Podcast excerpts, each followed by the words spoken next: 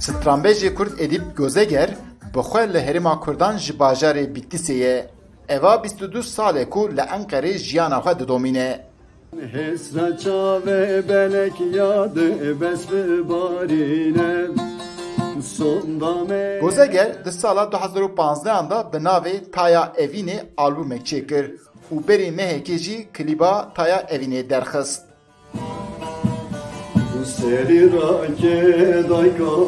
Hunermendê Kurd ji ber ku di çalakiyên Kurdan da müzika xwe dibêje li Enqerê di mala xwe da hate binçavkirin. Gözeger vêyekê wek binpêkirina mafê mirov nîşan dide û hestê xwe watîne ziman. Mala min e, destê sibê e, hatin ez hildan bin çav. E, danze saat ez bin çav damam. Piştê derketina dadgehê ez berdam û tu sucekî min jî tune bû. Serê giran lê xenet kirsan hobar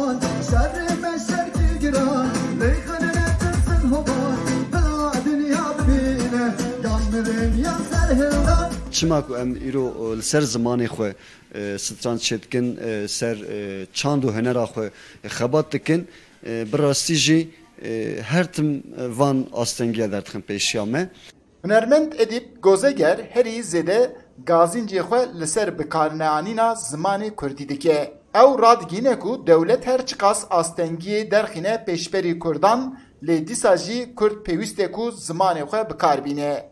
Banga min e, hemê e, hunermendê Kurda û stranbêjê Kurda e, rewşenbîr mamosteyên Kurda heye. E, bira xwedî e, çand û hunera xwe derkevin. Bira xwedî zimanê xwe derkevin. Di destpêka sala 2024 da bi awayekî dîtbar li ser ziman, çand û hunerê Kurd astengî tê derxistin.